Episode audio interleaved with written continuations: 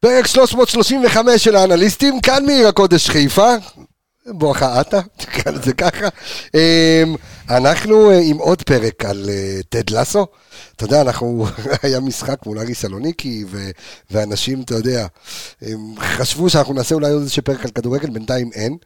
והדבר היותר מפתיע, לאור, ש- לאור ההתפתחויות בתחום הרכש, אולי אה, עדיף שנחכה עם זה קצת. אז, אני כן. אומר, אתה יודע, יותר מפתיע, אה, זה שלא דיברנו על דני רוחס, יותר מפתיע מההחתמה של אה, איתמר ניצן.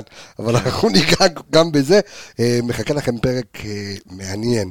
ושוב, מי שלא ראה עד הסוף, תראו עד הסוף את הפרק. את הפרק, תראו את סדרה. הסדרה, ואז תחזרו לשמוע את הפרקים, ולמי שנהנה, תודה על הקומפלימנטים, אנחנו, אה, הנה תמיר, הנה תמיר, תעשה שלום, שלום, שלום, ופה שם. הנה, אז, אה, לשם, אז אה, הפתיח לנו יצאנו לדרך.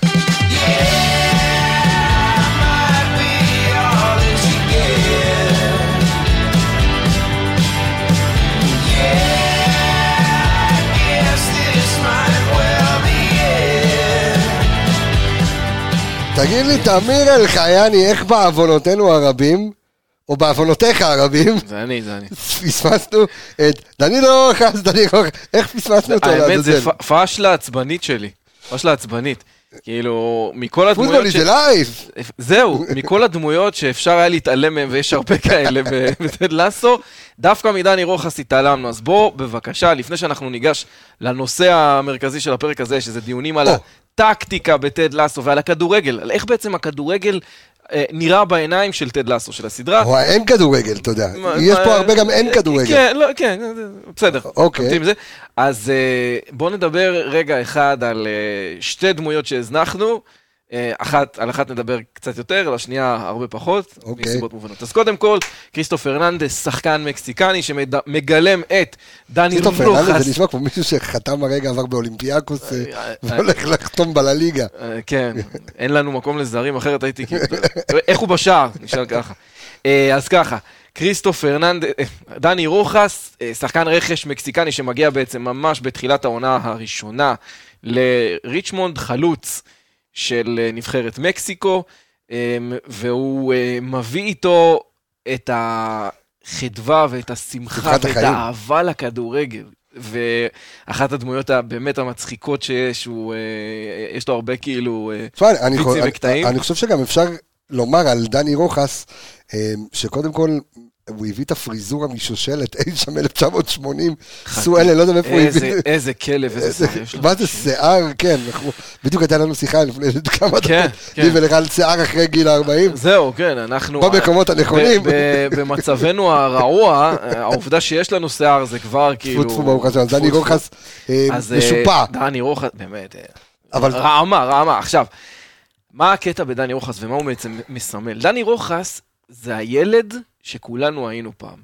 זה שמשחק שנשאר על המגרש, בפחיות. כן, זה שנשאר במגרש עד תשע וחצי בערב ומשחק ואוהב את זה ו- ו- וחי בשביל המשחק. ומצד שני, כמו שהיה איזשהו קטע בעונה השלישית, שהיה את הפרק, היה פרק בעונה השלישית של אה, פגרת נבחרות. נכון. שבו בעצם דני רוחס שיחק נגד אה, זורו, זורו. ואנדאם, אה, כן. איך שלא נקרא לו, שמיד נדון בו גם, כן. ממש בקצרה.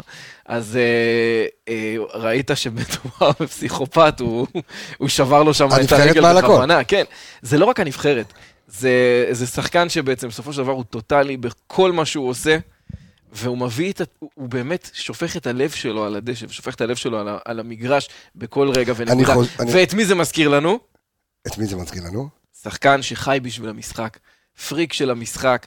ו- חזיזה. ש... כן, חזיזה. זה לגמרי, זה לגמרי מזכיר אפ- דולב אפרופו, חזיזה. אפרופו האיפון שהוא עשה בנבחרת ל- לשחקן אנדורה, שהוא לא יודע בכלל שהוא שחקן כדורגל. הוא חתיכת, דפוק, מה אני אגיד לך באמת, כאילו, משוגע אבל? דפוק כמוני. אה, אמ, אבל, אבל, אני חושב שדני רוחס נותן איזה- עוד איזשהו אספקט לכדורגל, שהוא, גם האוהדים יכולים להתחבר אליו, וגם מי שמשחק כדורגל יכול להתחבר אליו, ובכלל כל אחד יכול להתחבר אליו, וזה זהו. האמונות התפלות. אנחנו... נ- נ- נ- אנחנו נקדיש פרק שלם לאמונות התפלות? לענייני אמונות טפלות בכדורגל, יש הרבה מה לומר נכון. על זה.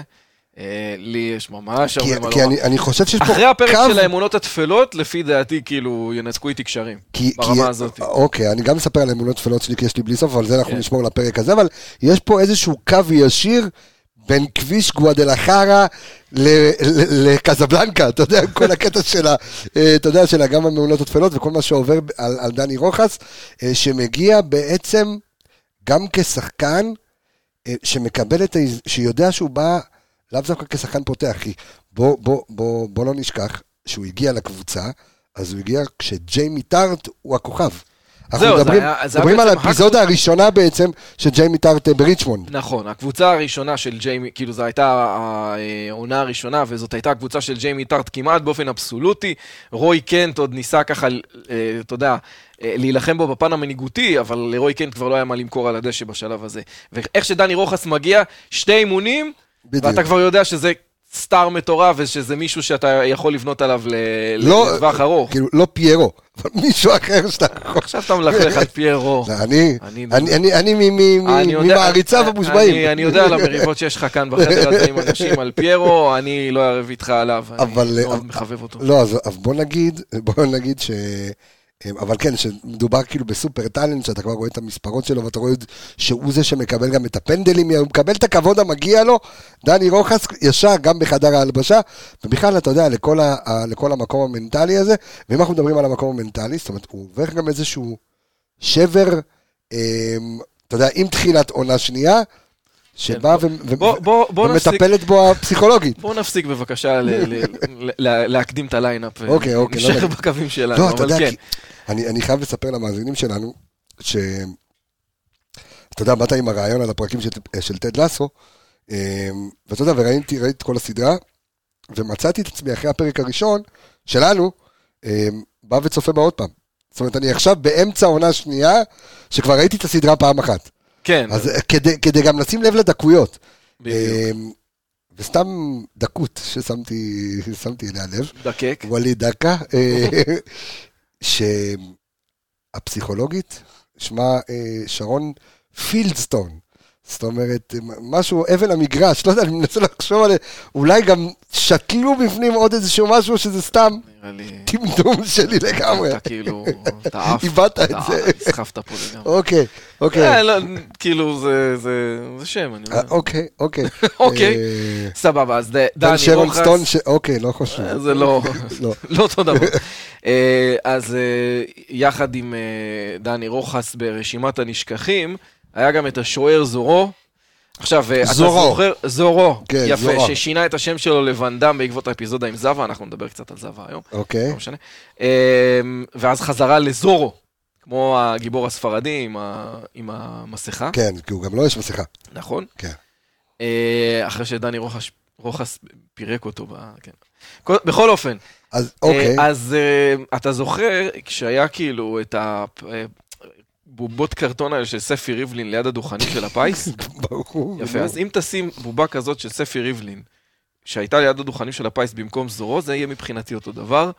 זה פחות או יותר אותו משקל בסדרה. תשמע, אבל יש כאן איזשהו עניין, אה, שאני כן מנסה לעשות את ה... אתה יודע, את ההקבלה למכבי חיפה או כל מיני כאלה.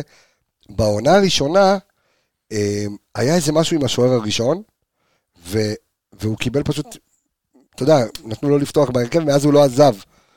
כן. את ה... מאז הוא לא עזב ולא תרם משמעות. שוב, זה, זה, זה שחקן שנותן את הקוריוזים. לצורך העניין, יש גם את יאן מסה ההולנדי, שמדי נכון. פעם תורם כאילו כל מיני... שאומר את האמת שהוא בפרצוף. חסר טקט ברמות, והוא תורם את ה- תורם את המשפטי אה, מחץ שלו. אה, יש את במבר קאץ', שהוא... ש- שלא יודע איך חשבו על השם שם, הזה. הוא שם, כן, לא יודע- לא יודע מה הוא עושה. אה, ויש עוד כל מיני חבר'ה שהם אבל כאילו חושב- ניצבים ברמות שונות. אז אני חושב, אה, אבל אם אנחנו מדברים על ההגבלות, אתה יודע, נגיד על, על זורו, אה, שהוא גם, הוא, הוא, לא, הוא צרפתי? לא, הוא הוא קנדי. אה, בסדר, קנדי, אני מניח נכון. קנדי נכון. מהאזור הצרפתי. קנדי שמדבר צרפתית. ויש גם, שוב, אני חוזר לזה שיש את העניין שהוא קיבל את העבודה של השוער הראשון, אחרי ששחררו את ה... והשוער השני, היה לו איזה משהו, לא יודע מה כאב לו, מה- לא זוכר מה היה, והוא קיבל את העבודה של השוער הראשון. מזכיר לי נורא את מה שניסו אמ, וייזינגר וברק בכר לעשות עם עמרי גלאזר, שחתם זה רק השבוע בכוכב האדום בלגרד. באמת. שניסו בעונה הראשונה לתת את המפתחות לגלאזר. אה, משום מה הקהל לא אהב את זה. הקהל לא היה אז הקהל היה, למה לא היה? שלילי חזק. זה היה בתקופת הקורונה. אה, צודק. אז הקהל, אולי הקהל לא. אהב את זה ברשתות החברתיות, ברשתות, נכון, אבל נכון. לא היה לזה באמת אה, אפקט נכון. ביציעים. והם הם נורא האמינו בו, ואתה יודע, והנה, בבקשה, עכשיו הוא בכוכב האדום. איך השוויתי בין גלאזר לזורו, אני לא יודע, אני אבל לא- בסדר. אה, לאן אני אקח את זה, אני לא יודע. יש אבל- עוד איזה דמויות ככה ששכחנו, משהו כאילו של... לא יודע מה, חיות מילק, לא יודע מה, מישהו אגיד לך- שכח. אני אגיד לך מה, רוב הדמויות שאנחנו מדברים עליהן אה, אה, כאן, ספציפית בנקודה הזאת, אחרי שסרקנו את, או סקרנו את הדמויות הראשיות, הן פשוט לא מעניינות, הן לא באמת תורמות, לפחות מבחינתי, כאילו, יש את כל החברות של קילי וזה, ו... לא יודע, סבבה, זה, זה, זה פילרים. לא, למרות זאת שיש... סדרה, בסופו של דבר זו סדרה שאמורה כאילו, אה, ל, אתה יודע, להיות, אה, אה, לשדר אפי לכל המשפחה. אז אה, אני חושב שאתה... צריכים לייצר אני- כל מיני- אני חושב שאתה מנמיך קצת ב- ב- בגאוניות של אה, ג'ייסון צודיקיס על כל מה שהוא עשה. למה? כי אני חושב... לא שלכל דמות- יש דמויות ש... אז אני אומר לך, אני חושב שלכל דמות יש לה איזושהי נקודה או איזושהי ערך שהיא מביאה. בסדר. ולראיה, רגע, אתה יודע, גם- ולראיה, גם- גם לנאורה יפרח יש דקות בעונת האליפות הראשונה. נו, זה זה פחות או יותר אותו דבר. ולראיה, סתם אני אתן לך מה את דוגמה. רוצה, סירי? אז אה, אתה מדבר איתה? היא רשמה, לא מצאתי אף נהוראי באנשי קשר. אה, אם היית גר בקריית אתא, היית מוצא... סביר להניח, כן. אה, תשמע, אני, אז כמו לדוגמה, הבחור הזה שיצא עם רבקה לדייט אחד או שניים, שהוא גם אוהד מנצ'סטר סיטי וגם אוהד מנצ'סטר יונייטד. זה כמו אוהדי הצלחות כאלה שאוהדים, אתה יודע, כן, מכבי תל אביב. כדורסל. וזה, זהו, זה, אתה לא זה בעצם... יכול לעוד ש- שתי יפה, אבל מה קבוצות. זה בעצם בא לעשות? זה בא בעצם להדגיש את החיבור שהולך ונבנה של רבקה לכדורגל, שהיא מבינה שבן אדם כזה הוא דבר רציני שאי אפשר נכון. כאילו לבנות עליו. נכון. אתה מבין? אז בסדר, אבל, אבל הדמויות עצמם, כל הפילרים האלה של חדר ההלבשה וכאלה, זה סתם שיהיו, שאתה יודע, שתהיה דבוקה, כן. שתהיה דבוקה של שחקנים. אה, אתה יכול להגיד לי את ה-11 של ריצ'מונד? לא. יפה, גם אני לא, אתה מבין? שזה גם לא, את האמת שכן, את. האמת שכן, אני יכול להגיד לך, כי אני משחק איתם בפיפא קצת. בסדר, נו. הבנו את הרעיון, הבנו את. הרעיון. כן. אוקיי, על מה הולך לדבר הפרק? בוא יפה. בוא נתרכז על פרק מספר 2 של אה, טד לסו. טד לסו זאת בסופו של דבר סדרה על כדורגל. נכון.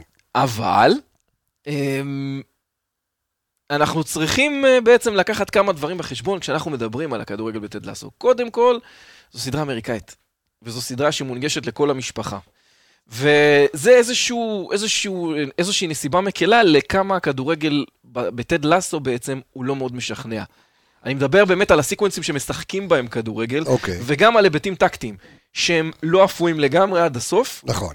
ו... טוב, מי, מי שמצפה, אתה יודע, לראות עכשיו אה, איזשהו אה, אה, 442 קווים, או, או יהלום, או, או 352 זה, לא, זה, זה לא מה שהוא יהיה, למרות שמדברים על זה. זאת אומרת, יש את השיח על זה. כן, מאוד בקטנה, אבל, אבל שוב, הכדורגל דה פקטו הוא לא באמת האישו שם. נכון. טוב, מלכתחילה, זה כל, זה כל הסיפור. כי זו לא, זו, שוב, זו לא תוכנית לעכברי כדורגל, יש שם הרבה מאוד דברים שכאילו אתה רואה את התפרים, אתה רואה כאילו את, את המקומות שבהם אה, זה ככה הופך ל... כאילו ההיתכנות של כל הדברים האלה היא מאוד מאוד נמוכה. לצורך העניין בוא ניקח את הדבר הכי בסיסי בעולם, קבוצה עולה, כאילו נמצאת בפרמייר ליג, יורדת לצ'מפיונשיפ, עולה לפרמייר ליג, שני שינויים בסגל. איפה, מי לא- שמע על לא הדבר הגיוני, הזה? כן. עזוב את זה שבכאילו אורך זמן של שלוש שנים, יש לך טונות של שינויים. עכשיו, מן הסתם הם עשו את זה כדי לשמר את הקאסט. הם, אתה לא יכול כאילו, נכון. אתה יודע, לה- להעיף את כולם. למרות שבינינו, אם היו מעיפים איזה חמישה ומביאים חמישה אחרים, לא באמת היית- רוצה. להיות אה, כדורגל תחרותי יותר. אה, מאשר. אתה יודע, שבע תוצאות תיקו, כאילו, בהתחלה. זהו, זה, אתה יודע מה, רצפים כאלה עוד יכולים איכשהו לקרות, בסדר. ואני גם נניח, אני אה, מקבל את כל, ה- אתה יודע, את כל, ה, את כל התסריטאות שבה נבנתה, נבנו כל העונות, ובסדר, בסופו של דבר זו דרמה, אתה צריך, לא דרמה, קומדיה. דר- דרמה קומדית. כן, זו דרמה קומדיה קומית. דרמטית, איך שלא דרמה קוראים לזה. קומדית. כן. קיצור, זו דרמה קומית, אתה צריך לייצר את הנקודות האלה של הדרמה, ואתה צריך לייצר היילייטים, הכל בסדר.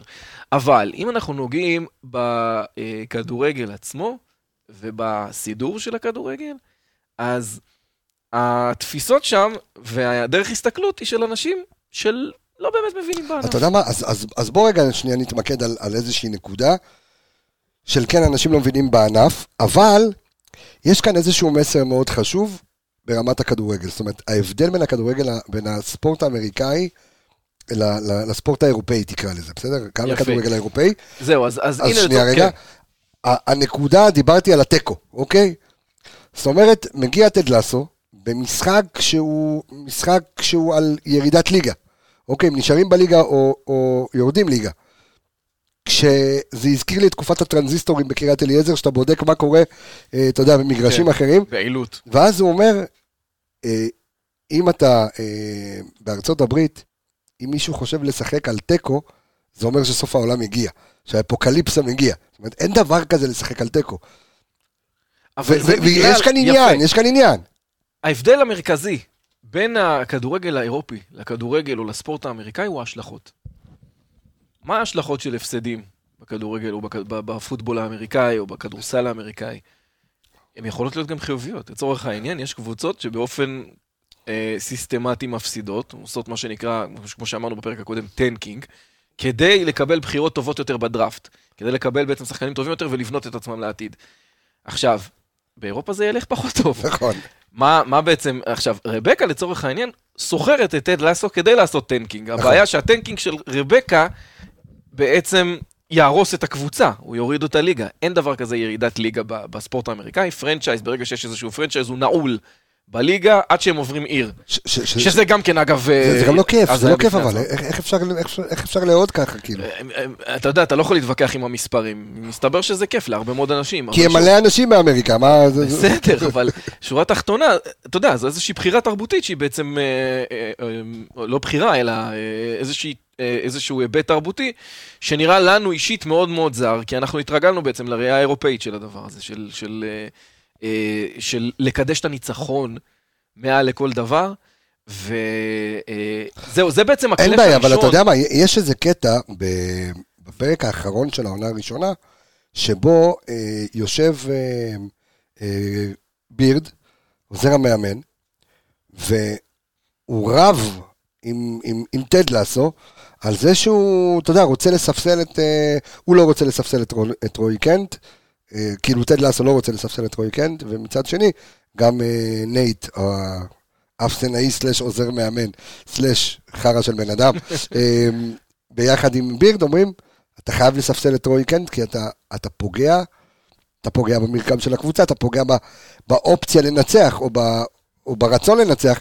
מצד שני, בא טד לסו ואומר, אומר ל- לבירד, אתה יודע, זה לא מעניין אותי, אתה יודע כמה לא מעניין אותי ניצחון או הפסד, ואז הוא מתחיל להשתולל, הוא אומר לו, יפה. זה לא ארצות הברית פה, חמוד. בדיוק. המטרות, המת, המטרות של טד לסו בעצם בהתחלה חופפות למטרות של רבקה. כאילו מבחינתו לא אכפת לו הניצחון, אכפת לו להוציא אה, בני אדם טובים יותר, כן. לייצר איזושהי תרבות אה, רעות, אני לא יודע, אתה יודע.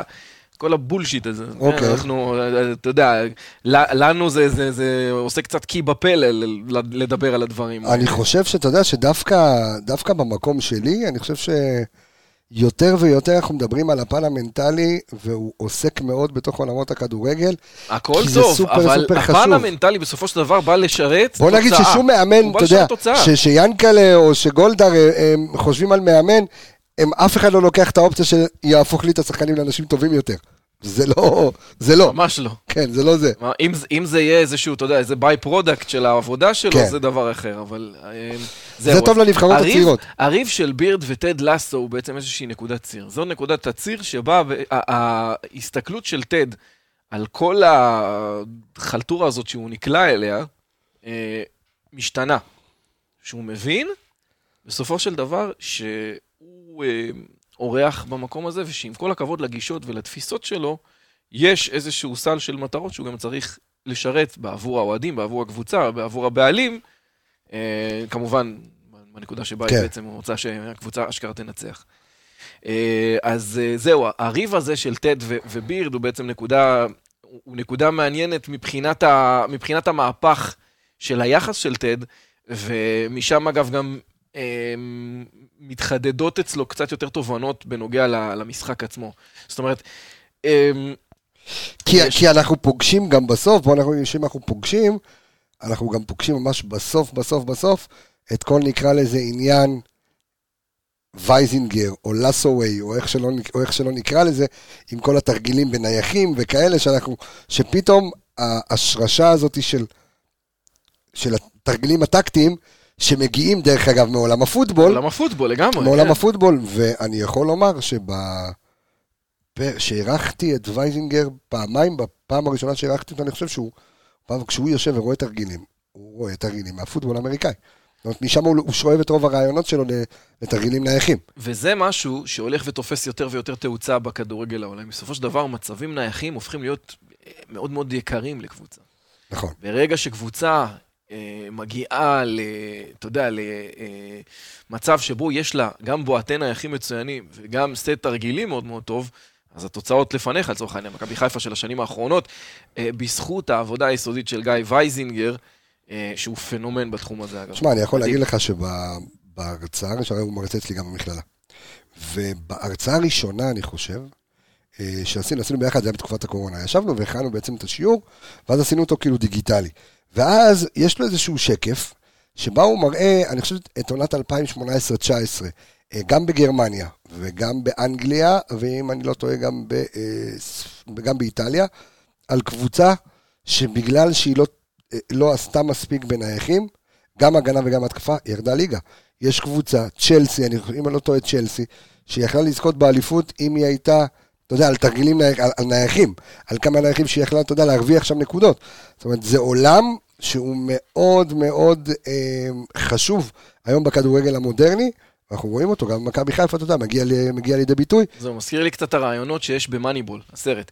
אה, לצורך העניין, גם במאניבול, בסרט, אומרים, יש נקודות מסוימות שבהן אתה צריך כאילו לשפר כמה אספקטים. שוב, אם תבקיע עוד 20% אה, מהנייחים, אתה תגיע לכך וכך מקום. שאם אנחנו כבר נהיינו ממליצי סדרות וסרטים, אז אפרופו, אני חייב, חייב לציין שאת קורס האנליסטים שפיתחתי, היה בגלל הסרט Moneyball. ראיתי את הסרט Moneyball, ואז פתחתי את העיניים ואמרתי, what? כאילו, מה? ואז התחלתי, יודע, להרכיב את הדבר הזה. אז למי שלא ראה את הסרט Moneyball, עם ג'ונה היל וברד פיט, רוצו לראות, כי זה סרט, סרט משנה אדיר. חיים. לגמרי. זה לא על כדורגל, זה על בייסבול. על בייסבול, אבל, אבל, אבל שוב... אה, בדיוק, כל העולם האנליטי. זה על תרבות עניין. ארגונית. נכון. ועל אה, הבנה של, אה, של שיפור פרמטרים. בדיוק. יפה. אז uh, עכשיו, מה בנוגע למערכים שבהם משחקת ריצ'מונד? אנחנו לא ממש מבינים עד הסוף איך משחקת ריצ'מונד. אנחנו מתחילים כשריצ'מונד משחקת בעצם עם חלוץ בודד שזה ג'יימי טארט, מה קורה מאחוריו? נכון. בוקה ומבולקה, מגיע דני, מגיע דני רוחס, הם עוברים ל-442, שוב, בהחלט מערך אה, חדשני, זהו, שאני... חדשני ומופלא אם אנחנו בשנת 1936, אה, אבל כאילו... לא, שגם אני אף פעם לא מבין במגרש אמ, איפה סמו ביסניה משחק, מה הוא מגן ימני, הוא, הוא, אתה יודע, במשחק האחרון שבו בעצם הוא מבקיע שער, הוא מגיע מקו שני, האם הוא הופך ליובל אשכנזי, זאת אומרת, מה קורה לסמו ביסניה? ואנחנו שומעים גם את רופרט מדבר באחד הפרקים, שהוא בא ואומר, אני אחזיר אותו להגנה לאיפה שהוא צריך להיות. אז האם יש כאן, אנחנו מדברים גם על עולם של ורסטיליות, או, ש... או שאנחנו סתם, ואני ממציאים את זה לגמרי. אני חושב שאנחנו... אבל עולם של ורסטיליות זה שחקני כדורגל. אני חושב שזה overthinking שלנו. יכול להיות. פשוט כי... בוא נעשה לא את זה, אבל אתה יודע, מותר לנו. כן, אני אומר, לא הייתה השקעה באמת בחשיבה הטקטית. לצורך העניין, אמ, אם אנחנו מסתכלים על הנקודה שבה זאווה מגיע. כן. אז אה, יש איזושהי סצנה מאוד מאוד מפורסמת, שאני חושב שהמאמן או מישהו שואל אותו, איך אתה רוצה שנשחק? ויש את הלוח עם, ה, נכון. יודע, עם המגנטים של השחקנים. אז הוא פשוט מאוד גורף את כל המגנטים למטה, שם אותו, את עצמו חלוץ, כאילו. עכשיו, תעבירו את הכדורים אליי. זהו, אני חושב שאם זה נורא הזכיר לי את יעקובו של פעם, אתה יודע, שתעיפו את הכדורים ליעקובו והוא אה, יסתדר. אתה מלכלך, ליעקובו היה צוות מסייע לא, מפחיד, מה? אין ספק. בניון, ג'ובאני רוסו, מדהים. אבל אתה תמיד ידעת שהוא, שאם אתה תזרוק כדור, אם תשחק על כדורים ארוכים, אתה תזרוק אחד ליעקובו והוא כבר יסתדר. אין מה לעשות, זה העניין של איכות. עכשיו, למה זה עושה עוול לזלטן, שהוא בעצם האבא הרוחני של זאווה? אז רגע, אז בוא נספר ששחקן שהוא מאוד מאוד מאוד, דיברנו עליו קצת כן. בפרק הקודם, שמאוד דומה, ממש. חותמן, חותמן. חותמן כזה, חותמן מנצור, אתה יודע שהוא דומה ממש אה, לזלטן איבראימוביץ'. והוא גם מדבר באיזה, אתה יודע, מבטא סלאבי כזה. כן. בסדר, זה היה נורא, זה היה נורא כאילו... מוכוון מטרה. כן. אה, אז זהו. עכשיו, למה בעצם זאווה הרס את ריצ'מונד? למרות שזאווה, כמוצב כחלוץ, אה, ו- ומצליח להביא לרצף ניצחונות, הוא, קודם כל הוא מבקיע את כל השערים. נכון. עוד היבט, כאילו, אתה יודע, שככה, מבחינת רבאק, עשרה או לא יודע כמה משחקי פרמייר ליג, רק הוא מבקיע? כן, שזה... כאילו, אתה- קצת אתה- אתה- דבילי. אתה לא... לא יודע, מחטיא, אתה לא ריבאונד. מישהו קופץ על ריבאונד או משהו, כן, כן. זהו. גם הארי קיין, גם סון מדי פעם מבקיע ב- בטוטנאם. אני אוהב אותם בפיפ"א. אז יפה. אנחנו חייבים לעשות משחק, מאז ה-Pro Evolution לא עשינו שום משחק. אני אשבור אותך לחתיכות. כן, אתה חושב? תשמע, אתה יודע, יש כאן- עניין גם בפודקאסט האנליסטים של זה, כי אה, עמיגה הוא התמיר אלחייני החדש, דרך אגב, בפיפא. אוקיי, מאסטרו. ויש כאן התערבויות וכאלה, אני רק אספר אה, למאזינים שלנו ולצופים שלנו, שאי שם בשנת 2005-2006, כשהיינו עושים אה, משחקים, אתה היית לוקח קבוצה מליגה שנייה בסעודיה, אני הייתי לוקח את אינטר ביחד עם ריבלדו, ואתה היית, לא ריבלדו, 99. עם אה, אדריאנו, כן. והיית מפרק לי את התחת במחצית. אה, תשמע, אה, וזה היה בפרו. אני לא יודע איך אתה אה, בפיפא, אנחנו נבדוק את זה. אה. אנחנו עוד מעט נבדוק את כן. זה. אוקיי. זהו, אז, הקטע עם זאווה מביא אותי טיפה, אם אנחנו הולכים טיפה אחורה בליינאפ, קצת לדון על אה, איך טד לסו רואה בעצם את תפקיד המאמן. וזה, אגב, יחסית הרבה יותר מציאותי מאשר שאר ההיבטים הטקטיים או האחרים בטד לסו. מה הכוונה? טד לסו הוא בעצם manager קלאסי. מאציל את הסמכויות, מסתכל על הדברים מלמעלה, מקבל החלטות של רגע על פי האינסטינקטים שלו. וב- ובסוף, זאת אומרת, הוא, הוא, גם, הוא גם מצליח לריב עם המאמנים שלו כשהוא מקבל, כשהוא מקבל בעצם את, ה, את ההחלטה הסופית. זאת אומרת, הוא אמר להם, אני מכבד את הדעות שלכם, אבל אני מחליט. יפה. עכשיו, זה, זה בניגוד, ל, אתה יודע, ל, ל, לנראות הגופית שלו ולתדמית הנורא כאילו, אה, כביכול מסכנה, לא, לא יודע מסכנה זה המילה, אבל אתה יודע, תדמית אה, אובר חיובית נכון. וקצת ככה נאיבית שהוא משדר, בסופו של דבר יש לו איזושהי ראייה ואיזושהי השקפת עולם שהוא עובד הוא, על הוא פיה. גם יודע להשתגע לפעמים. אה, כן, כן. גם, גם. אבל הוא, הוא ממעט מאוד להשתמש בזה, מה שהופך את ההשתגעויות שלו, אגב, להרבה יותר חזקות. מה, מה, תאמר ב, מה תאמר בעצם על הסצנה אולי, שהיא ככה מקבילה לי בין הפרמייר ליג לאיזי שרצקי, ש, שזה היה ב... אה, שזה היה בפרק, בפרק הספסול של, אה, של ג'יימי טארט. שבעצם אחרי שג'יימי טארט שם צמד, במחצית הוא מחליט להחליף אותו, להוציא אותו החוצה. למה? כי הוא אגואיסט והוא לא מוכן למסור, ואז יש איזושהי סצנה שגם מדברים עליה, הש- השדר והפרשן מדברים עליה, והוא רץ למעלה והולך לבקש אישור מרבקה. ולה- ואומר לה, תקשיבי, אני רק רוצה לבקש ממך את האישור, והיא אומרת לו, אתה המנג'ר, אנחנו מדברים בכלל בכדורגל הישראלי, ש- על ש- זה ש... מה שהופך את ההשוואה לאיזי שירצקי למופרכת. כן, לא, אבל, אבל אני מדבר בכלל על כל הרעיון הזה של, אנחנו מדברים על זה שבעלי בית מחליטים על ההרכבים, או תכניס, תכניס את הנכד, וכאלה, ו, ובס, ואנחנו רואים את טד לסו הולך, או שאני לא יודע איך זה עובד גם בספורט האמריקאי, הוא הולך, הוא רץ ביציע, מבקש את, האישור מרבקה שאומרת לו, אתה המאמן. זאת אומרת, אני אגבה כל החלטה שלך, לא משנה אם ההחלטה הזו הייתה כדי שריצ'מונד, אתה יודע, תתקלקל לה, אבל היא אומרת לו, אתה מאמן, זה אתה, אתה, אתה זה שקובע. אני בעל הבית, אבל אתה זה שקובע את ההרכב, ואז הוא יורד ובעצם עושה את המהלך של אה, לספסל את הכוכב הכי גדול שלו וללמד אותו לקח. אגב, ירדן שועה. גם ירדן שועה, כן, הוא כן. נכנס פה ל... זה למרות שירדן שועה הוא לא, לא, לא חושב שהוא... הוא לא שהוא. קרוב לג'יימי לא ג'יימי בכלל, לא. ברמת הכישרון לפחות, שמשוחק שם. אבל יש גם עוד איזשהו עניין של, על שני האסים. זאת אומרת, עזוב את איזושהי ספוילר, כמובן, מי ששומע, אני ממליץ לשמוע כמובן את הפרקים שלנו רק אחרי ש, כן. שראיתם את הסדרה, אה, אבל בעונה הראשונה, אה, היא מוכרת לו, היא מחזירה לו בעצם את ג'יימי טארט למנצ'סטר סיטי, בלי שהוא ירצה. אוקיי? משהו שתקופה, ג'יימי טארט חושב שהוא זה ש- שטד החליט להחזיר אותו למנצ'סטר סיטי, מה שבעצם רבקה עשתה את זה, כדי להרוס לו את הקבוצה, אבל הוא ניסה לייצר שם אה, two aces, שני אסים, גם את, אה, את אה, דני רוחס? דני רוחס וגם את ג'יימי טארט.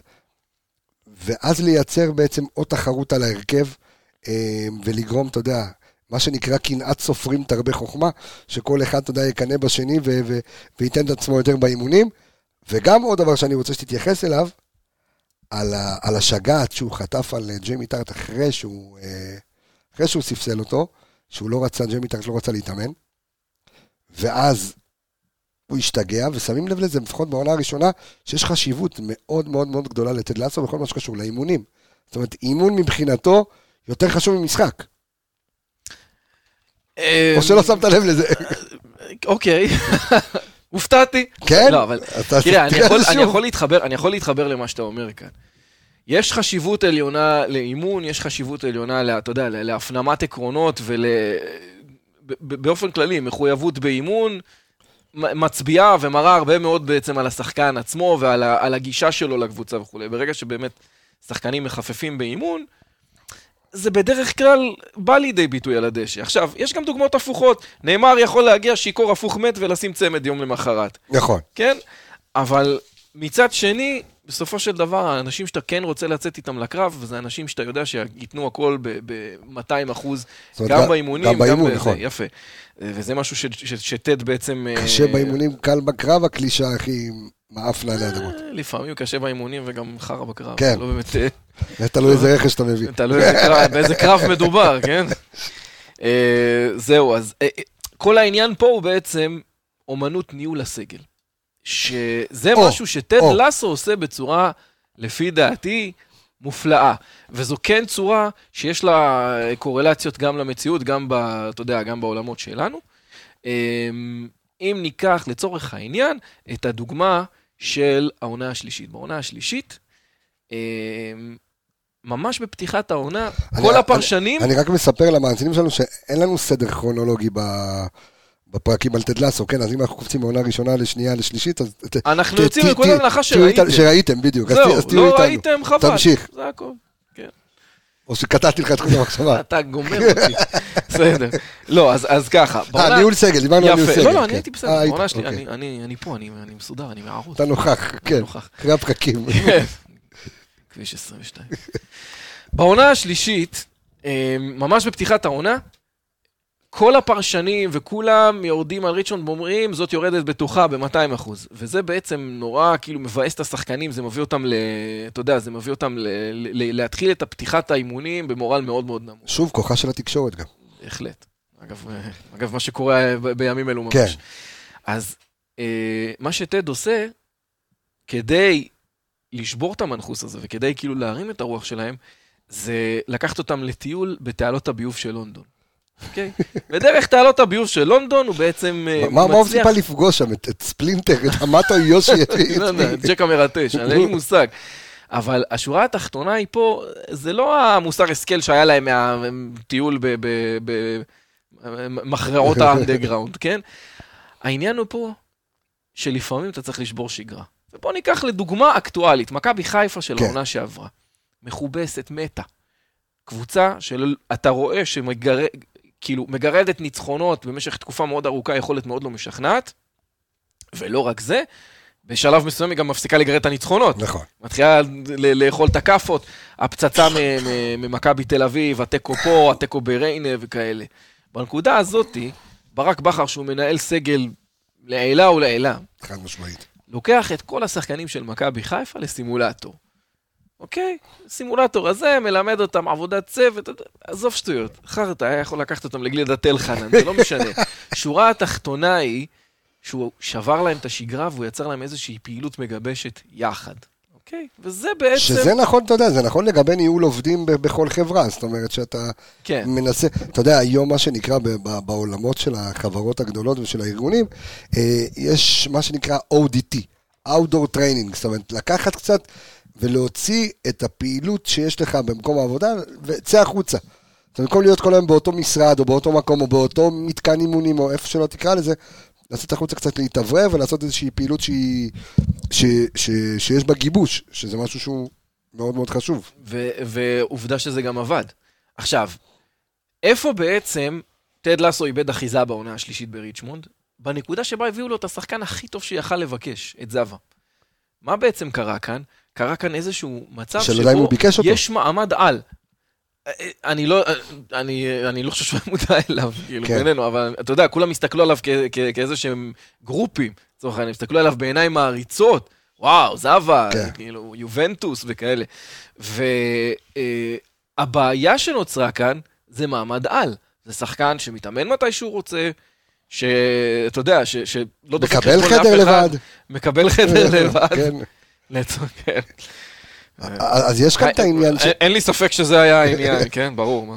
אה, עכשיו, אתה צריך בעצם לעשות, אתה יודע, להלך על הקו, להלך על הקו הדק כמאמן, אתה צריך להלך על הקו הדק הזה של מצד אחד להבין שיש שחקנים ששו... אין מה לעשות, ששווים יותר. שחקנים שמביאים לך את הכסף, ומצד שני, אתה לא צריך כאילו להתקלב בפניהם, כי בעצם טד נכנע. נותן לו את הלוח. מה זה, למי אתה נותן את הלוח? תשמע, אם זה היה מאמן ישראלי, הוא כאילו- מקבל כאילו- נגיחה לפנים. כאילו, כבר- הוא כבר הבין שזה גדול ממנו. בדיוק, בדיוק. והפיגורות האלה, הרבה פעמים, עושות יותר נזק מתועלת. כי מה קורה, אם נגיד, לצורך העניין, בסדרה עצמה, זהבה פשוט מאוד קם ועזב. נכון. והחליט לפרוש באמצע העונה. כן, אוקיי. לעבור לגדל אבוקדו איפשהו. לגדל אבוקדו. כן. הוא, הוא, אגב, ממש בפרק האחרון הוא מביא להם אבוקדו ענק כזה כמתנה. אה, אז סבבה. עכשיו, מה בעצם קורה? מה שקורה זה שנשברת כל ההיררכיה. הקבוצה, לצורך העניין, הכוכב שהיה הקודם, ג'יימי טארט, מדוכא עד עפר. נכון. כל שאר הביאו לו מישהו על הראש. כל שאר הכוכבים עבדו לצורך העניין, כמו, אתה יודע, כמו הבסיס של הפירמידה לשפיץ. וברגע שהלך השפיץ, נשאר... תשמע, יש כאן עניין שאני שרביט. עוד איזושהי הקבלה. אה, זה כמו שהחשש שהיה לי אישית, ואני חושב שאולי אה, גם להרבה אוהדים, אתה יודע מה, אני לא יודע אם לאוהדים, כשהגיע דיה סבא לצורך העניין, ואתה אומר, אוקיי, יש לי את אצילי, ויש לי את שירי, ויש לי את דיה סבא. זאת אומרת, ויש לי את חזיזה. תחשוב כמה אגו יש לי בחדר ההלבשה. זאת אומרת, איך אני מנהל את זה? ואז, כמו שסיפר כאן אה, עומר אצילי בפודקאסט שלנו, ולמי שלא שמע את הפרק, רוצו לשמוע את הפרק עם אצילי, אפילו שהוא כבר אה, נמצא בעין ועל הראסי ואיפה שהוא נמצא. עדיף ש... אבל, אבל הוא בא ואומר, הוא בא וסיפר את הסיפור, שהגיע ברק בכר, ולקח את כל אלה עם הכדור לרגל, יש לי משהו להגיד על זה. אוקיי? ואמר להם, אמרו לי שאתם לא יכולים לשחק ביחד, אז הנה בבקשה בואו תשחקו ביחד ו- ותראו לי איך, אבל יש כאן עניין של אגו, ש... ויש כאן איזשהו תפר שאתה צר... כן צריך לדעת ו... ו... אה, איך לגעת בנפש של השחקן, כי כמו שאמרת, ג'יימי טארט מושפל עד עפר, או שהוא מסתכל, אתה יודע, אני הרגע הכוכב, אני הגעתי ממאצ'סטר סיטי, פתאום מגיע אותו זבה איברהימוביץ', ומגיע, אלוהים, אתה יודע, כאילו, נכנס כאילו לכל מקום, והוא מסתכל, והבן אדם כאילו, אתה יודע, נדפק מזה. זה מזכיר לי משהו. הייתה איזה פעם אחת שאיחרתי בבית ספר. אוקיי. והגעתי והתחלתי לבלבל את המוח כהרגילי. ואז המורה שלי אמרה, השמש, הירח והכוכבים הגיעו. האם השמש, הירח והכוכבים מוכנים לשבת? זה פחות או יותר היה ה- ה- היחס של זבה, אבל שוב, זה בעצם איזשהו היבט שטד לסו נכשל בו. נופל, מצד שני גם קם. בסופו של דבר, הוא מכן. כן הצליח, יפה. איך הוא הצליח לקום? איך הקבוצה הצליחה לקום? מה היה הפרק שבו גם ברמה הטקטית נלמד משהו חדש שמעצבן אותי ברמות שאני לא או, יכול לתאר לך מה מעצבן בכלל. אותך, אלחייני? יפה, בוא. אני אספר לך. ספר לי מה מעצבן אותך. אז על זה בדיוק רציתי לדבר איתך. יפה, אז אמ, מה שהיה זה שבטיול באמסטרדם, ריצ'מונד הגיע לשחק משחק ידידות נגד אייקס. נכון. קיבלה שם חמישייה, פירקו לה את ה- את ה- זה את מה. שחשבתי שיקרה מול סלוניקי אתמול, את אבל. אוקיי. אימון ריצה כן. בעילות, אני יודע איפה זה בגרין. אותו דבר. לא, אגב, אה, בסדר, אם כבר מדברים על ענייני מכבי חיפה, אני חושב שלמרות כל הביקורת, אני, אני מרגיש טיפה הגזמה בתחושת אני- האפוקליפסה אני- פה. אני איתך לגמרי. יש פה... איתך לגמרי. בואו- בואו אבל נירגע, אתה תבוא. ותתארח גם בפרקים רגילים, אנחנו גם נדבר על זה. בעזרת השם. אוקיי, נו. יפה. אז מה בעצם קורה באמסטרדם? האינסטינקט של חלק מהמאמנים בישראל, לא רוצה לומר שמות, אבל נגיד יצחק שום נניח, לקחת פטריות. תריץ אותם, אתה יודע, לא, כאילו, לא, אתה חייב לעשות את זה. תריץ אותם. אתה יודע, הוא היה- כאילו, הוא היה כאילו, הוא היה כאילו בכוח הזרוע מטפל בזה, כי מה, וקנסות וזה וזה.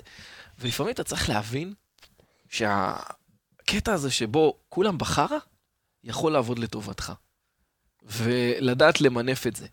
כי בסופו של דבר, זה המקצוע של שחקני כדורגל. נכון. אלא אם יש איזושהי התארגנות מכוונת, הם לא באמת רוצים להפסיד משחקים, אוקיי? חוסר בזה, חוסר בזה, זה בדרך כלל מגיע מחוסר ביטחון ומחוסר בהכוונה נכונה. יש כאן, יש כאן הרבה עניין של אמונה, אתה יודע, אני לוקח אותך רגע חזרה לעונה הראשונה, אה, לפרק שהוא, אתה יודע, פרק אדיר בעיניי, שנקרא התקווה היא זו שהורגת אותך. אה, ש... שבה בעצם אותה, איך קוראים לה? לברמנית בת 200. שנראית כמו גולדה מיי, מיי, מיי. כן. אגב, דמויות, אה, היא דמות חמודה. זה זו של ספיידרמן, זה לא... לא, זאת של ספיידרמן זאת מריסה תומי. השם משהו- ויברכיה. אמן. לא, אז, אה, אז מיי, אגב, אם כבר מדברים על דמויות אה, שככה לא סקרנו, מיי, לצורך העניין, היא דמות חמודה, אבל שוב, אני, אני לא מקדיש לה יותר מדי חשיבות, כי אין לה יותר מדי כי- חשיבות. כי היא נותנת את הפניני חוכמה, ומה שהיא מדברת, אה, כאילו... אתה יודע, עבודה לקיץ לפנסיונרית, הסדרה הזאת. בדיוק. היא היא זרקה אבל את המשפט, כאילו, אה, התקווה היא זו שהורגת אותך, שברגע שאתה כאילו מקווה למשהו שהוא בלתי אפשרי, זה משהו שהוא הוא לא נתפס בראש לפחות אצל טד לסו, וזה משהו שיכול ללמד אותנו כאילו גם על החיים בכלל. תחשוב שבפרק הזה, שהם אמורים לפגוש את מנצ'סטר סיטי, אה, למשחק שיקבע אם הם ירדו ליגה או יישארו ליגה, אוקיי? ואז גם אה, נייט וגם, אה, אני לא חושב שבירד, אבל בכלל, האוהדים ברחוב, שהוא בא ו- ו- והוא לא מבין בכלל, כאילו, איך, שכולם אומרים לו, אתה לא יכול לנצח את מנצ'סטר סיטי. זאת אומרת, זה משהו שהוא בכלל לא, לא הגיוני. וזה משהו שאני חושב שגם אנחנו כאן בפרקים לפני פריס סן ג'רמן, או יובה, או כאילו, אתה, אתה בא ואתה מתבטל מלכתחילה. אתה אומר, בוא, תנסה להפסיד בכבוד. פערים ענקיים, זהו. אתה, אתה, אתה לא אמור לנצח. עכשיו, זו גישה שהיא לא מתקבלת, אה, היא, היא לא מקובלת עליו. ובצדק, כי אתה יכול לצמצם פערים, ב, אתה יכול לצמצם פערים בעזרת אה, אמונה וכאלה. אני אגיד לך את הנקודת מבט האישית מכבי שלי. חיפה יובנטוס. בכל משחק שבו מכבי חיפה תעלה, וזה לא משנה מה המצב שלנו, ואיפה אנחנו בטבלה, ואיפה אנחנו בעולם, בכל משחק שמכבי חיפה תעלה, אנחנו מבחינתי פותחים ב-0-0, והכל ואלוהים יודע מה יקרה כך. יכול לקרות, נכון. אוקיי? והיו דברים מעולם בכל דבר ובכל היבט שאתה רק יכול לחשוב עליו, אוקיי? נבחרת יוון אה, המגעילה של אוטו ריאגל, לצורך העניין, שלוקחת 1-0. אה, אליפות אירופה, באמת בתצוגות דוחות מאוד, אבל עדיין, לוקחת. זה, אתה יודע, זה גם משהו שלא מתקבל על הדעת, זה גם משהו שאתה אומר, כאילו... לא, אבל? אבל יש, יש כאן איזשהו מסר, יש כאן איזשהו מסר מנטלי, ש, אה, שאתה לא יכול לקבל בשלוות נפש איזשהו הפסד מראש. אתה לא יכול לקבל בשלוות נפש או להעביר איכשהו לשחקנים שלך. או בכלל אתה בחיים, לא משנה אם אתה עכשיו הולך לאיזושהי פגישה חשובה, או שאתה, יש לך איזשהו עסק חדש, או שאתה, לא יודע מה, אתה רוצה להשיג את מלכת הכיתה, אני לא יודע איך תקרא לזה, שאתה כבר אומר לעצמך, אני לא יכול להשיג את זה, אני מפסיד מראש. למה כולנו אוהבים את דולב חזיזה? באמת, למה זה אחד השחקנים הכי אוהבים במכבי חיפה?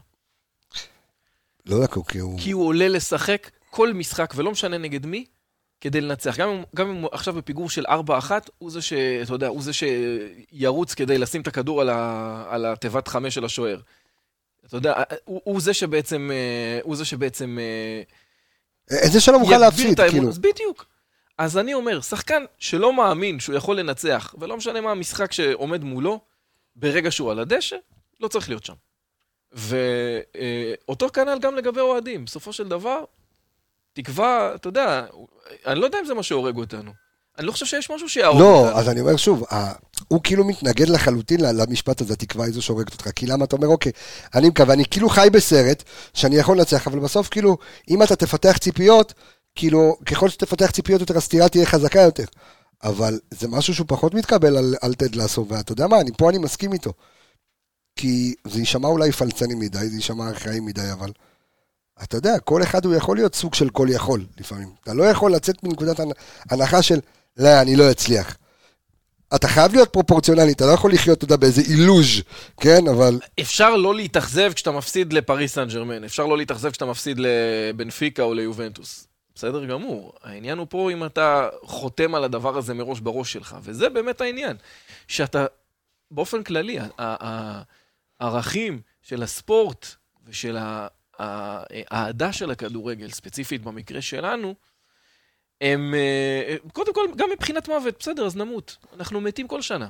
כל שנה, או שאתה מת יפה עם צלחת, או שאתה מת חרא עם... אה, עם אה, בלי עם כלום. להשתחל לפלייאוף העליון, אבל אתה קם מחדש. כי זה הכדורגל, כל שנה זה, זה מחזור חיים בפני עצמו. תשמע, זה- אני חושב שעוד פעם, יש כאן, יש כאן איזשהו מסר, איזשהו מסר כאילו מאוד מאוד יפה של, של טד לסו בקטע הזה של אתה, אתה יכול לנצח את מי שאתה רק תרצה, אוקיי? אה, אבל אתה גם צריך להיות באיזשהו פרופורציה גם. בסדר, שוב, כמו שאמרתי. צריך צריך לחיות בפרופורציה. אתה צריך להיות ריאלי מצד אחד, אבל מצד שני, כשאתה על המגרש, כאוהד. כשחקן, נכון, הדבר- תגיד לי, יש לי שאלה. כן, תשאל. לא היה ברור לנו בסופו של דבר שעם כל הרעש והטררם שעשינו בסמי עופר מול פריס סן ג'רמן, שהיה באמת אולי המשחק עם האווירה הכי טובה שהייתי בו בחיים שלי. חד משמעית. לא היה ברור שהם ינצחו? בסופו של דבר?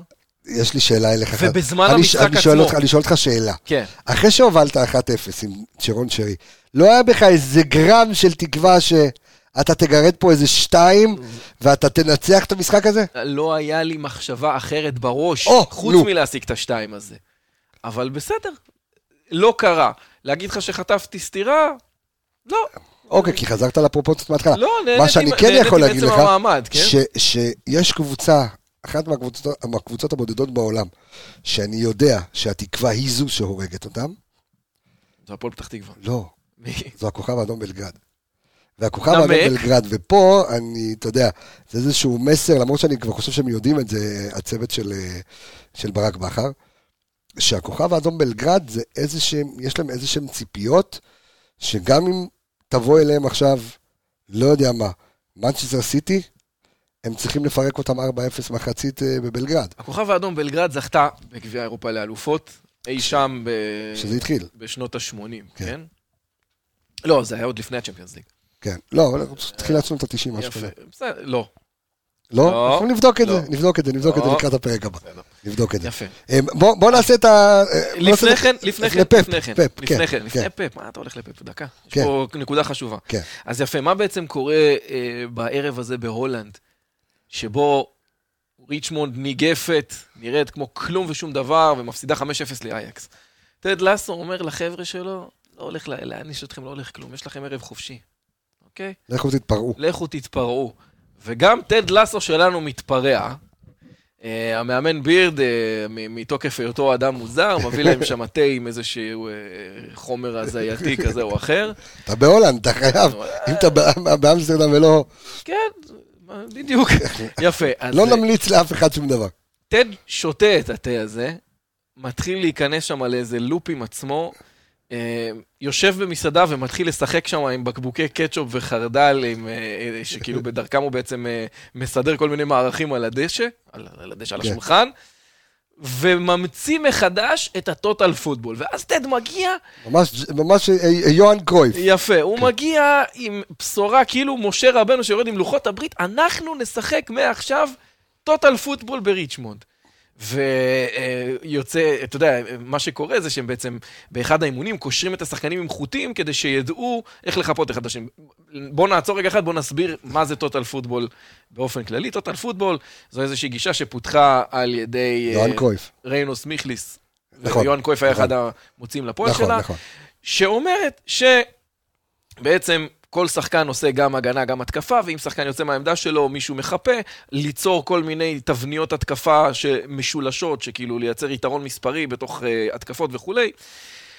בגדול, זה ממש טומטם להגיד דבר כזה בשנות האלפיים המאוחרות. נכון. ולמה? זה כמו שאני אבוא ואני אגיד לך עכשיו, בואנה קבסה, תקשיב, אני קניתי אוטו, יש לי חלונות חשמליים והגה כוח. ככוח. הרי... כל זה לא שמעתי את זה. כן. הייתי מחפש... של הזקנים עם התפוח הזה. של ה... מה- מה הקטע? כל קבוצה, חצי, הוא- בעצם אומר להם, אנחנו נהפוך לקבוצה מאומנת עכשיו. כן. מה זה השטות הזאת? הטוטל פוטבול זה עיקרון שמוטמע בעצם בכל קבוצה שהיא חצי מאומנת בעולם הזה, נכון. לא רק בפרמייר ליג. אז זה כאילו איזושהי נקודת הסתכלות נורא נורא נאיבית. כאילו, המצאתי מחדש בשורה וזה. אני חושב שהנקודה בסוף, שהוא לא שתה תה הזה, הוא שתה תה רגיל לחלוטין. שתה, כן, שתה עינוגי התפוח, כן, אני יודע מה הוא שתה. פרחי היסמין ועינוגת. שחר התפוס. הרי... הקטע... תירגע, הכל בסדר. הקטע הוא ש... אמ, קבסה, לא, תשמע. כן, להיות תמשיך, תמשיך. תמשיך. הקטע הוא שכאילו, כל קבוצה בעולם, אם מגן עולה, אז קשר אחורי נכנס כדי לחפות על הצד שלו. ואם אה, לצורך העניין יש... אה, מי הבלם הכי יעיל של מכבי חיפה בקרנות? בקרנות? כן. סק. ומי לידו? פטווינציקה. שון גולדברג, מי אתה רוצה? פיירו. אה, בלם, אוקיי. הבלם קרנות, קרנות. אומר. אז, אז אה, בטווינסינג. לא יודע, זרקתי שמות. אז יפה, אז בעצם, גם היום, כל קבוצה עושה לחץ קדמי, וכל שחקן עושה גם התקפה וגם הגנה, ו- ו- ומגנים עולים. אז אתה אומר, יש כאילו, פה איזה פלטה של הסדרה, כאילו, זה בהבנת לא ה... עניין, לא, אני, לא חושב שזה פלטה, אני חושב שפשוט מאוד זה מגיע מחוסר התעמקות. זה אוקיי. פשוט מצחיק אותי שזו כאילו הבשורה, אנחנו נשחק טוטל פוטבול. עכשיו, הקריצה, הייתה שם עוד איזושהי דרך קריצה. אגב, בואו לא נשכח שזו סדרה ל- ל- ל- לאמריקאים.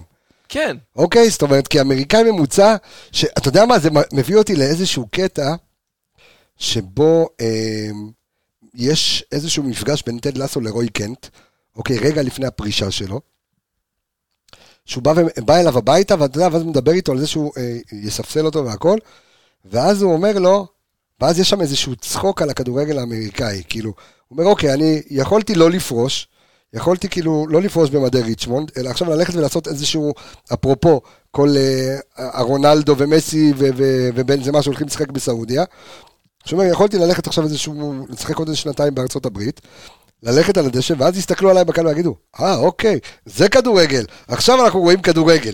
משהו ש- שלא היה להם, בגלל שהסדרה הזו היא סדרה אמריקאית, אז כשאתה מדבר על טוטל פוטבול, זה משהו שאתה כן מחדש אותו, אולי לקהל האמריקאי, בדיוק. הם- הם ולא ל- ל- לכמוך וכמוני ש- זהו, אז- שחיים את זה. אז אותי זה מקומם, כי, כי, כי אתה יודע, זה, לא זה לא מציאותי, לך. אבל מצד שני, גם הסדרה עצמה היא לא מציאותית, היא. קריקטוריסטית. ולכן העצבים שלי אולי לא היו במקומם. יופי. אז עכשיו, כל מה שאמרת עד עכשיו היה מיותר. בוא נדבר על הקריצה לפפ לפני שאנחנו מסיימים את הפרק, יש לנו. עוד פרק לעשות. הקריצה לפפ, לפני הקריצה לפפ, נקודה קטנה. כן. מבחינת איך שמשחקים את הכדורגל בטד לסו, השחקנים עצמם, כן. אז בהתחלה, אתה יודע מה זה הזכיר לי? היה בשמש. אז זבולון מושיאשווילי, היה לך. פרק שבר, שאליעד נחום, כאילו, נרשם לקבוצת כדורגל. וכאילו מגלים שהוא איזה טלנט. עכשיו, אתה רואה את אליעד נחום, ילד קטן, והוא כאילו... הוא עד עכשיו זו נשאר דוגמה קטן. מטומטמת, אני המום על עצמי, לא משנה. כאילו, אתה רואה את אליעד נחום, כאילו מנסה לייצר סללום, וכל הילדים נופלים כמו מטומטמים לידו כזה, אתה יודע שזה כאילו לא נראה הגיוני. אז זה, זה היה נורא נורא משוחק. אז גם בהתחלה, הכדורגל נורא משוחק. מה הכוונה במשוחק? אתה יודע, אני מצפה, נגיד, אם שחקן מקבל את הכדור בעמדה חופשית, ש... שמישהו ייתן לו איזה כתף, שכאילו יגלוש לאיזה, לאיזה טאקל וכאלה, אז זה לא קורה. בעונה השלישית... למרות שבעונה הראשונה היה את הטאקל של רוי קנט, אתה יודע, כן, משום אבל, מקום אבל ל- זה טאקל שהוא נרטיבי יותר. אני נכון. מדבר באופ- באופן כללי על, כאילו, על, על המשחק עצמו. אתה רואה את אה, ג'יימי טארט לוקח כדור, אה, אף אחד לא מסתכל עליו. כן, שומע, עובר אה, אחד. אני עובר אחד, אה, משנה כיוון, כולו מבסוט. כן, עכשיו, אתה יודע, בפרמייר ליג, שזה ליגה של מטוסי קרב, תוך ליגה- דקה מישהו מדביק אותו בפאול. יפה, אה, מן הסתם. אה, עשירה בעולם. ושאף אחד לא יגיד עכשיו, אחרת. אה, אין סיבה להגיד. ואפרופו פפ, בוא נסגור עם פפ, כן? יפה, בוא- נקרוץ לפפ. בוא נקרוץ לפפ. בוא נקרוץ לפפ.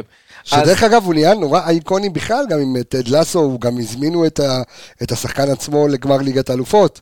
אה, הוא היה בגמר ליגת האלופות, השחקנים של, אה, אה, של, אה, של הסדרה היו שם, קיבלו שקיות עם זה, וכל מיני כזה של, ה, של הגביע, ונהיו חלק. אתה- אתה כנראה חזק באינסטגרמים שלהם. כן, כן, אני חזק באינסטגרם, וגם, אה, זה גם איזשהו קטע שהוא גם היה איזשהו דמות, זאת אומרת, גם תיארי הנרי מופיע המון בסדרה, אה, ופפ גוורדיולה מופיע בסדרה. אה, כן, אבל תיארי הנרי, פפ גוורדיולה הוא בעצם הדמות היחידה האמיתית מעולם הכדורגל שמופיעה שם, וזה לא מקרי. גם תיארי הנרי כי בתור איש תקשורת מה- אמיתי.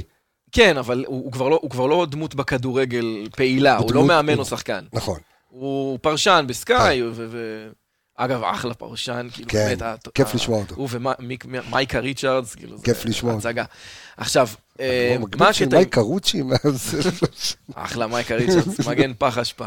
קיצר, בכל אופן, אמ, אז הקריצה לפפ היא, היא באמת בהרבה מאוד מובנים בכל דבר בסדר. קודם כל הוא מושא להערצה, כי אמ, פפ, קודם כל הוא מבין מאוד בכדורגל, כן? הוא לא טד לסו, אבל מצד שני, היכולת שלו להיכנס למקום ולהפוך את כולם מסביבו להרבה יותר טובים ולשפר אותם, זה לא נאיבי מדי אה, אה, לבוא למאמן שהיה בברצלונה, והיה בביירן מינכן, והיה, זה כמו שיגידו על ברק בכר, זאת אומרת, אתה, מג, אתה מגיע. לקבוצות אה, אה, תראה את ברצלונה עשירות אחרי פפ, כן, אבל גם לא היה להם. כסף. תראה את ביירן אחרי פפ, אוקיי? תראה מה הוא עשה מסיטי. הוא הפך את הפרמייר ליג, ליגה... אבל גם עם, עם, עם, עם, עם מיליארדי. דולרים, כאילו. בסדר, מיליארדי דולרים. מה, כל אחד יכול אוקיי, להביא את בוא- אה, אהלנד? בוא ניקח פרויקט של מיליארדי דולרים כן. מעבר לתעלה, פריס סן ג'רמן, אוקיי? לא פחות כסף הושקע שם. שמע, בליגה המקומית הם מצליחים. מה אני בליגה- אגיד לך, איזה קשה זה בליגה המקומית שלהם להצליח, אני בטוח, אתה צריך את מסי ונאמר כדי לנצח את אה, סושו ובורדית. עזוב אותך, נו. אני מדבר איתך על, על, כל הקטע של הקמפיינים האירופיים. פפ עד לא מזמן, אתה יודע, פישל, אבל פישל לא, תשמע, בקטנות. אני- שוב, אני חושב שהוא המאמן הטוב בעולם, כן, אין ספק. בכלל, אבל... אה, אתה צריך, בסופו של דבר, כסף. זה דבר אחד, לכולם יש כסף. מנצ'סטר יונייטד, בתקופה של פפ, לא הוציאה הרבה פחות, אם בכלל, מאשר פפ. העניין הוא שהם הוציאו על דרעק. בוא נגיד את ששף רודרי- גדול חייב חומרים טובים. אחלה, שף גדול גם צריך לדעת מה לעשות עם כן, החומרים האלה. נכון. כשפפ לוקח את רודרי לצורך העניין, ו- ואת אילקאי גונדואן, אילקאי גונדואן שחקן חמוד עד לא מזמן בבורוסיה דורטמונד, קח את את הבלם, את אה, פלייר. את, אה, ג'ון סטונס. קח את uh, מנואל הקנג'י, גם כן, בלם שהיה בדורטמונד, קבוצה עם הגנה של הצרות שלי, הגיע לשם, והפך להיות עמוד תווך, הפך להיות בעצם ל- ל- ל- למשהו שהוא elevated ממה שהוא היה פעם. קייל ווקר, שוב, היכולת שלו לקחת כל שחקן, לשדרג אותו, להפוך אותו לטוב יותר. ו- גם ברמה, אז זהו, גם יש... ברמה המנטלית, או, גם ברמה ש- הפיזית. שזה שזה מה שחשוב, אתה יודע, בהקשר של טד לצו. האם... טוב, שוער, איזה תפיסה, ראו את זה בלייב. אז האם, כאילו, גם פפ עושה את זה ברמה המנטלית אה, המון. בוודאי. אתה לא יכול לעשות את זה לא ברמה המנטלית, כי הרי בסופו של דבר מנצ'סטר סיטי עומדת בפני פיקים מטורפים. חבר'ה, תחשבו איזה לחץ יש על שחקן פרמייר ליג. זה משהו הזוי. מה לא שעשה משנה עם אה, גריליש. הנה, יפה. גריליש לצורך העניין, אה, אה, מה שהוא עשה עם גריליש מאוד מאוד דומה למה שהוא עשה עם ג'יימי ג'יימי טארט. טארט, כן. גריליש הגיע קצת יותר ממושמע מג'יימי טארט, אני מניח, והוא גם הגיע, אתה יודע, טיפה מתחת ל- נכון. לסולם, כי אתה מגיע לקבוצה של סופרסטארים. אתה לא יכול לתפוס תחת על קווין דה בריינה נכון. ואגוארו שהיה בזמנו, לצורך העניין עכשיו אה, ארלינג אהלן. זה, אתה יודע, יש דרג ויש גריליש. אז גריליש לצורך העניין, הקטע של הטיפול בגריליש וה, וה, והביות שלו, וה, והעובדה שגריליש היום עובד הרבה יותר טקטית והרבה יותר חכם, היא בחלק גדול ממנו גם עבודה של פפ גוורדיולה ושל הכאילו חינוך שלו, משהו שמאוד מאוד דומה ומקביל לעבודה ולחינוך של טד לסו. אני חושב שאני נועל את הפרק הזה נעל. ב- ב- ב- בהתחלה שלו שדיברנו, שכן, זה- זה זה שם הפרק, זה הפילוסופיה של טד לסו. פילוסופיה של טד לסו. חד משמעית.